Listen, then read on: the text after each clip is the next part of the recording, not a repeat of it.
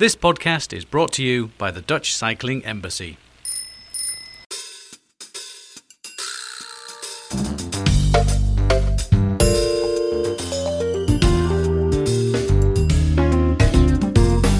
Okay, ladies and gentlemen, we're this next episode we're off to Rotterdam. For the first time we're talking to a Dutch city, but not a typical Dutch city. Uh, Rotterdam, of course, used to be one of the biggest harbors in the world. Now it's still one of the most important harbors of Europe. Uh, ladies and gentlemen, welcome to this new episode of the Metropolitan Mobility Podcast, which always revolves around the questions how can we keep metropolitan areas accessible and livable in a sustainable way? My name is Geert Kloppenburg, and uh, I've got around about 17 years of experience in this field. Uh, in this series of podcasts, um, we always talk to entrepreneurs, uh, policymakers, or scientists who who yeah give us new insights into the world of mobility. Chris Bruntlett, uh, he's my sidekick almost all the time on the cycling subject. Chris, are you still there from rainy Delft? Yeah, greetings from Delft. We are now uh, 10 months into working from home. I, I kind of forget what the office uh, looks and feels like, but uh, it's a pleasure to be here with you again this evening. Why did you want to talk about Rotterdam, Chris? Yeah, well, I think Rotterdam has come up a couple of times throughout uh, the last few podcasts that we've done. I think it's a city that is uh, uh, very relevant to a lot of uh, international cities when they look to the Netherlands because it is uh, so car oriented, uh, and we we've talked about the historical reasons for that. Uh, but it's also, as I said, very relevant to those cities that are just getting started on, on building space for walking, cycling, and, and public transport. Um, and it's also a city that's doing a lot of innovation and a lot of experimentation uh, in terms of reallocating space. So I uh, wanted to talk to two people that are instrumental in that process. Yeah, let's talk to Jose Besselink and Bart Christians. Are you both there? Hi, yes, we are. Yes. Cool. Uh, Chris, can you give them a proper uh, introduction? Why or were you interested to talk to Jose? Uh, and why to Bart? Of course, yeah. So Jose, I've known for several years now. She's a, an urban planner at the city of Rotterdam. Um, and uh, Bart is the fiets coordinator or the, the bicycle coordinator, and so he's in charge of the, the cycling infrastructure and policy, uh, also at the city of Rotterdam. So we wanted to kind of get both perspectives uh, with this this discussion today. It's strange for Jose, Bart, and me, who are uh, three of us Dutch and you are Canadian English. We'll try to do our uh, our best to do everything in English. In Rotterdam, they've got this really typical accent. They call Bart. You already said talking with a wet T, but that, for us to do that in English, Chris, that's just not possible. But the accent in Rotterdam is just unbelievable. Chris, just go ahead with your main questions uh, and try to bump into the subject straight away. So maybe we should talk a little bit about why Rotterdam is, uh, such a challenge and perhaps also an opportunity in terms of its uh, maybe its streetscape and its urban fabric is a little bit different from most most cities in the Netherlands. Can you talk a little bit about that, Jose? I think Rotterdam is maybe the most American-like city of the Netherlands, uh, since we do not have a uh, historical inner city anymore. And because of that, after World War II, the city was rebuilt as a car dominated uh, city in the city center. So the streetscapes, they were all designed for cars and people uh, after six o'clock in the evening didn't show up anymore more because living inside the city center, uh, the amount of people was compared for to for example Amsterdam or Utrecht pretty low. So part of the uh, city lounge strategy was also to create a more dense inner city, to create more street life. The point is that um, being rebuilt as a car-dominated city. Uh, we really had to try to change things from, well, I'd say uh, a decade ago or maybe even longer ago.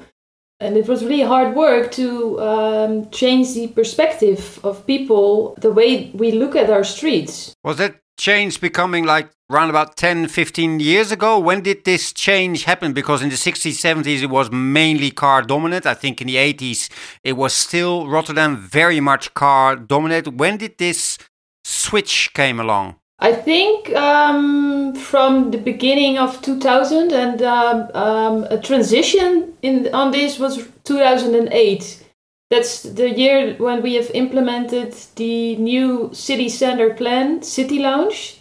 And in this plan, we have introduced creating a city for people and uh, eliminating on street car parking. One of the reasons we really wanted to to get into uh, Rotterdam and their walking and cycling policies is the role that uh, experimentation and pilot projects have, have played in that. So, um, Jose, can you maybe talk a little bit about how um, the two processes have, have, fed into each other and how you use um, test projects and, and pilots to uh, achieve some of your goals uh, around walking and cycling and, and, public transportation?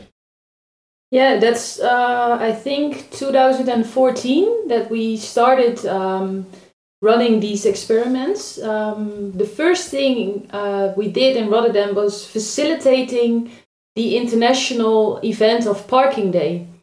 Um, you probably all know this uh, the third Friday of September, where people are allowed to create a small park on a parking spot. Um, and since this really fitted to our uh, ambitions of creating a city lounge in the city center of Rotterdam, we figured why don't we just organize this and see what happens. Um, we did so, and um, it turned out to be a success. Um, and the interesting thing is that by um, showing uh, this this type of uh, greenification of the city, people became aware of what the city could look like. And this was the beginning of a tactical intervention program um, where we always have related the pilots and experiments to our long term ambitions of both uh, the inner city plan city lounge as well as the mobility plans and the bicycle plan. Is it also related to the uh, climate agreement uh, of Rotterdam, or is it the cycling part is not very much related to the to the uh, climate agreement and the goals that are situated in there? The climate agreement does have some cycling goals and uh, bike sharing goals, but the big change for cycling uh, thinking since 2007, there was a, a cycling program to build uh, 10 kilometer extra uh, cycle lanes. Um, then we had the new alderman who is um, willing to be Rotterdam to be um, recognized as a cycling city, and the ambition was 10% uh, growth of cycling in three years. Uh, and now we have a left wing uh, alderman, and she uh, gives full speed on the topics of walking and of cycling. And then the climate uh, agreement is, is an extra accelerator for, uh, for the existing plans, I think. What is the model split at this moment, and what was the model split, let's say, in 2000? How much has been the change? I know the change of the last uh, 10 years. Rotterdam was the from all the uh, Dutch cities, the city with the lowest uh, model share for cycling, it was around uh, 20%, where the Dutch average of, of whole cycling was 27%. That has grown to 28%, and our last figures from last year shows that we are on that 28%. So we are a Dutch uh, average uh, cycling city, but uh, not as much as, as, as cities like Utrecht or Amsterdam. So you made this growth of 8% in around about 10 to 15 years. Yes, yes, we did. Yeah. And then the question also, of course, bums up what, what, what were the most important things in that last 8 to 10 years which enabled this change? Yeah, we think it's a combination of policy of uh, people uh, who are willing to cycle more, uh, the growth of public space and uh, of, of uh, public transport, and people who are going uh, to the public transport by bike. Uh, it's more and more people living in the city, but it's also the people who are changing. Eh? more and more people are willing to to go on an active mode, have climate change in their minds. So it's a combination of all those factors. For the first time, I saw also more focus on walking. Can you say a little bit more on on why you started to focus on walking too? Um, yeah, this started uh, about three to four years ago uh, while I was working as an urban planner in the city center um, on this city lounge strategy. We figured that it was kind of strange that we didn't have any policy on the pedestrian. We have been working on car mobility, on public transit, and of course the bicycle, but the pedestrian was always They can Um, just walk, and because walk is so normal, Yeah. then you haven't got a policy on, on it. Exactly, this is how it works. But the truth is that we do have to pay attention to uh, to people and walking. So we have organized the first conference on walking and the pedestrian in the Netherlands. And then Jim Walker uh, was a keynote speaker, and I met up with him. And we started talking, and I told him, We do not have any policy on, on pedestrian and walking. Can you help us? And this is how a collaboration has started with the Walk 21 Foundation, a international uh, charity um, and organization on walkability. And uh, we have arranged Walk 21 to come over to Rotterdam in 2019, last year, uh, when we have hosted the International Conference on Walking. And by hosting this conference, a lot of things have changed because in the beginning, it was just me and another colleague that were allowed to pay uh, some attention and some uh, hours of our working week on this topic. And now we have a full team with even a program manager working on a walkable Rotterdam. So hosting a conference has really set the agenda on walking. Uh, resistance. Uh, how do you overcome resistance, or um, not by only pushing and convincing? And Bart, you were already saying something about it uh, before the break. How did you got rid of this resistance? Yeah, I think it, it's more like oh, the the story you tell. It's about um, the policy. It's about creating the boundary conditions that people uh, can cycle, uh, can put their bikes away. We have an, uh, a social program. It's called uh, Cycling on the South Bank of Rotterdam. Um, it's um, it's a neighborhood with uh, with a lot of um, people from a lower economic status, and they do not uh, cycle as often. So since um, I think five or six years, we have a program uh, to to teach those people how to uh, use a bike. Um, we have an uh, uh, a place called Fietsenbank where people can who cannot afford a bike or something can go there and get a bike, then learn how to ride a bike, learn how to repair a bike. Um, we go to the to the primary schools. Uh, almost half uh, of the of the primary schools in the city of Rotterdam are doing a practical uh, bike exam um, when they are about 11 um, age old.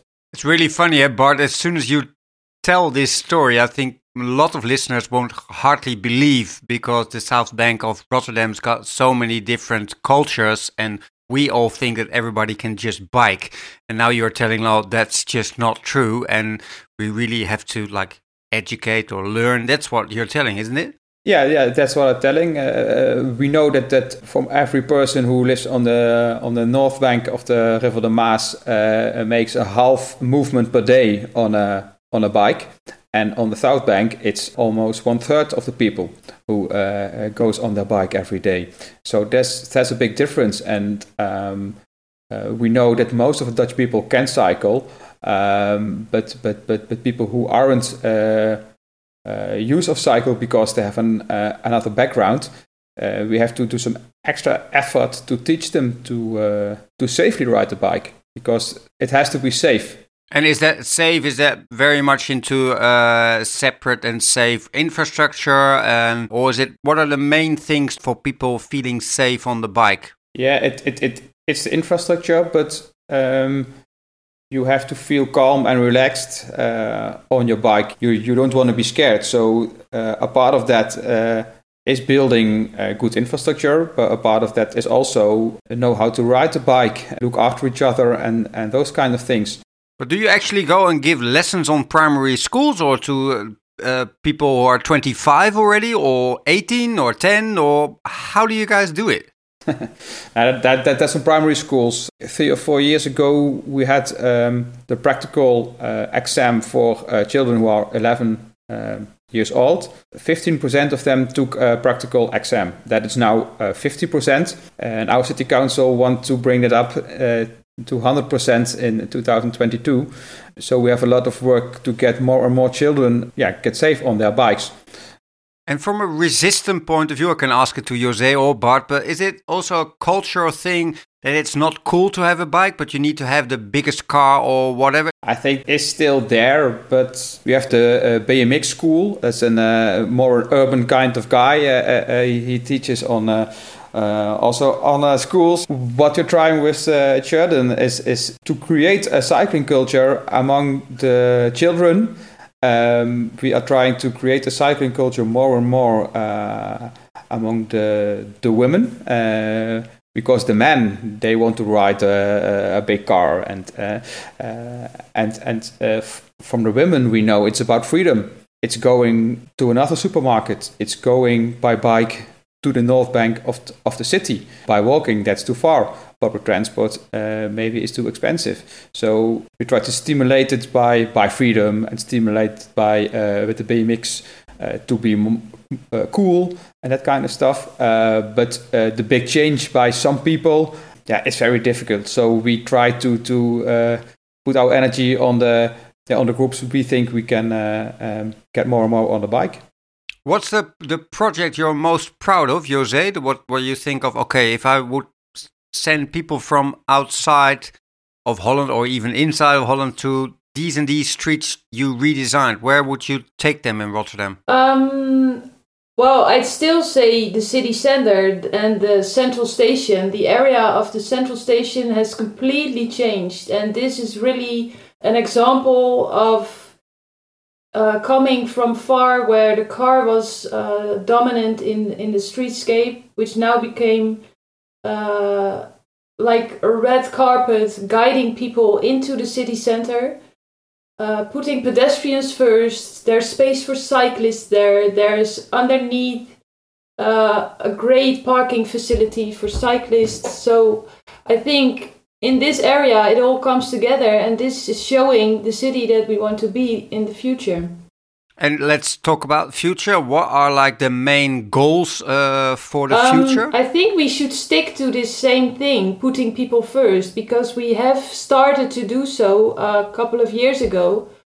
But it's important to keep on telling this same story and uh, also to invest in uh, iconic projects like Central Station, as well as small interventions showing the city of tomorrow today. And um, during the COVID crisis, I think we can be proud with uh, um, the board of aldermen uh, in our city.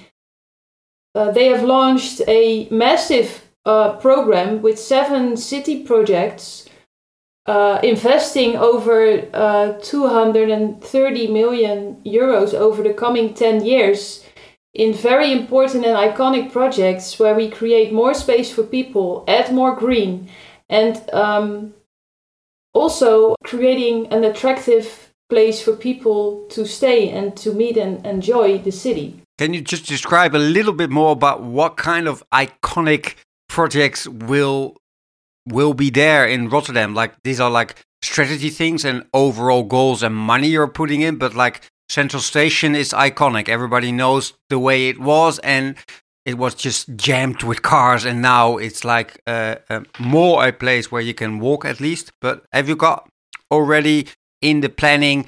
You think, oh, these iconic parts or streets or whatever you want to um, get your I hands think, on? Well, they're all amazing. Um, but uh, I really love on the south bank of the city the two um, harbors, Maashaven and Rijnhaven, we are going to create huge parks there. And I think it's interesting because this connects the, um, well, areas that may have been neglected for a while uh, in the city and to also give people living there more space and more green um, uh, in their own neighborhood. So I think this is very important.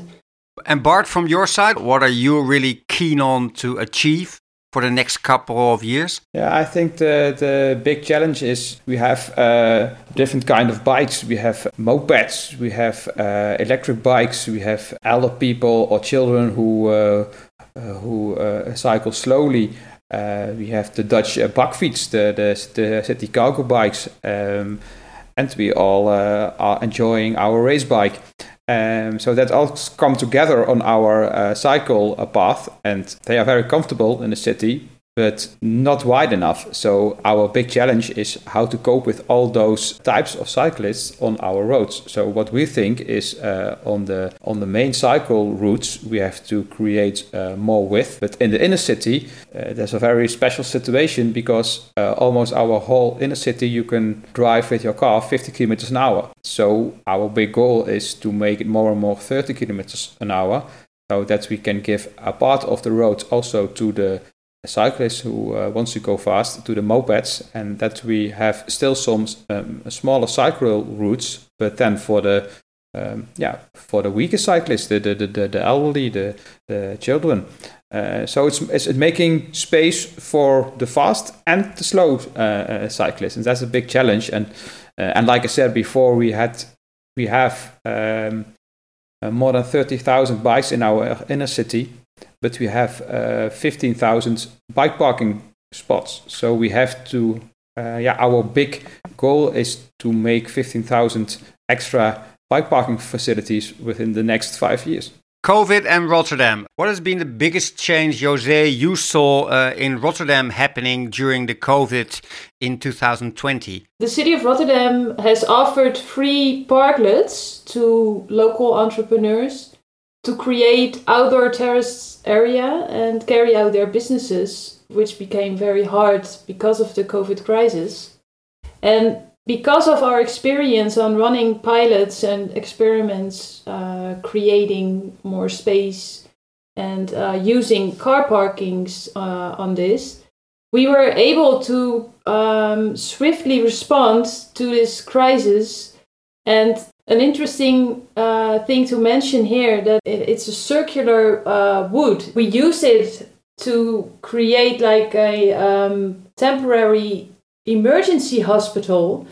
But luckily enough, the city didn't have to use this hospital, but we did have the wood.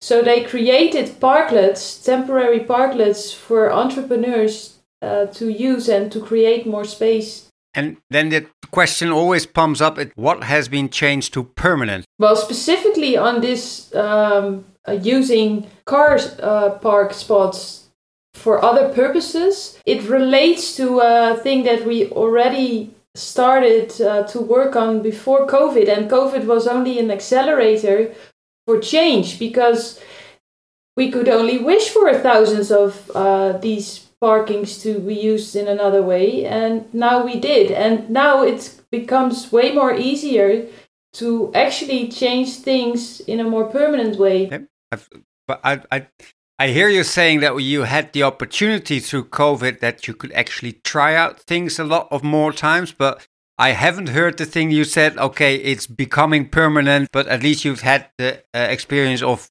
piloting uh, things in a, a much a bigger way than you've ever thought about. And uh, Bart, if you look back at the COVID thing, uh, what have what have you seen happening in Rotterdam on the walking and cycling part? We did uh, a survey amongst the people of, of, Rotterdam that they could, on a map, put the spots where it was uh, not easy to pass each other and uh, social distancing uh, wasn't uh, possible. So what we did is, is on those spots making more room for the pedestrians. And what we also did is, is on traffic lights give more and more green time for the pedestrians and for the cyclists to get to the other side of the of the crossing uh, because uh, we used to stand next to each other, but during the COVID time we stand after each other. So it takes some extra time to pass the crossing. So we, we did give the, the cyclists extra green. And I think what, what we what we did was was was first re- reacting on what happened, uh, but then quickly in our heads we we have our uh, policy about uh, creating more public space about uh, stimulating walking and cycling. And what we did in every discussion on every street is to uh, ac- accelerate the plans we already had in our minds. If you would look at the city and what do you really hope, Jose, would be in five to ten years if you would drive through Rotterdam again? What would you be hoping to see? Well, I'd hope I'm not driving uh, but cycle or walk. uh, and if people are driving through the city, that it will be a maximum speed of 30 kilometers per hour. I really hope that we will finally be able to implement this.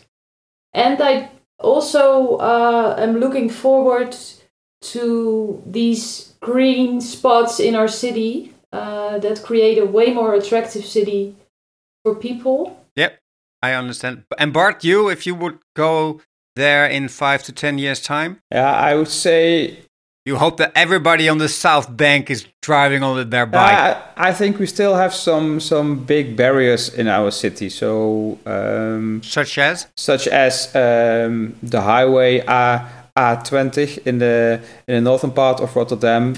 Yes, you can cross it, but it's still a barrier for a lot of uh, cyclists to go there. Yeah, it's a huge barrier. I'm really glad that you say that, Bart, because I was there today, and to cross that highway, that ring highway, it's a yeah. nightmare. Yeah, so so so we hope that there uh, will be uh, a Hovenring kind of project like in Eindhoven with a, a really nice big uh, cycling uh, bridge or Cykelslangen in Copenhagen. Such a project in um, in that highway zone uh, and also, we're going to make a new bridge across the River de Maas, and uh, there will be uh, cycling infrastructure uh, on that as well. So I hope to see two fantastic cycling bridges uh, uh, in the city and and some big pocket garages uh, for, for the cyclists. Chris, what are you hoping to see when going to Rotterdam again? No, I, I will just uh, reiterate what Jose was saying. I think uh, Rotterdam is uh, is changing and changing very quickly and reducing the amount of space for cars and the speed of the cars,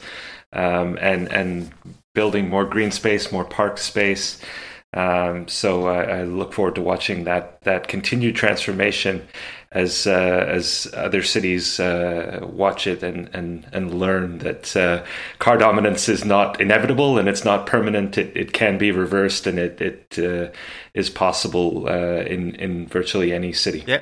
I totally agree. And I think uh, oh, Jose and Bart, thanks a lot for joining us from Rotterdam. I think it's very cool. And Chris, thanks for the idea for bumping into a Dutch city, but then not a typical Dutch city, but actually going to Rotterdam. And ladies and gentlemen, of course, thanks you all for listening. And don't forget to recommend this podcast to a colleague or friends. And if you have got any comments or questions, you can email them to geert at geertkloppenburg.nl. Everybody, thanks for listening. Thanks for joining in, Jose, Bart, and Chris, and all the best. And ciao. Bye-bye. Bye-bye. Bye.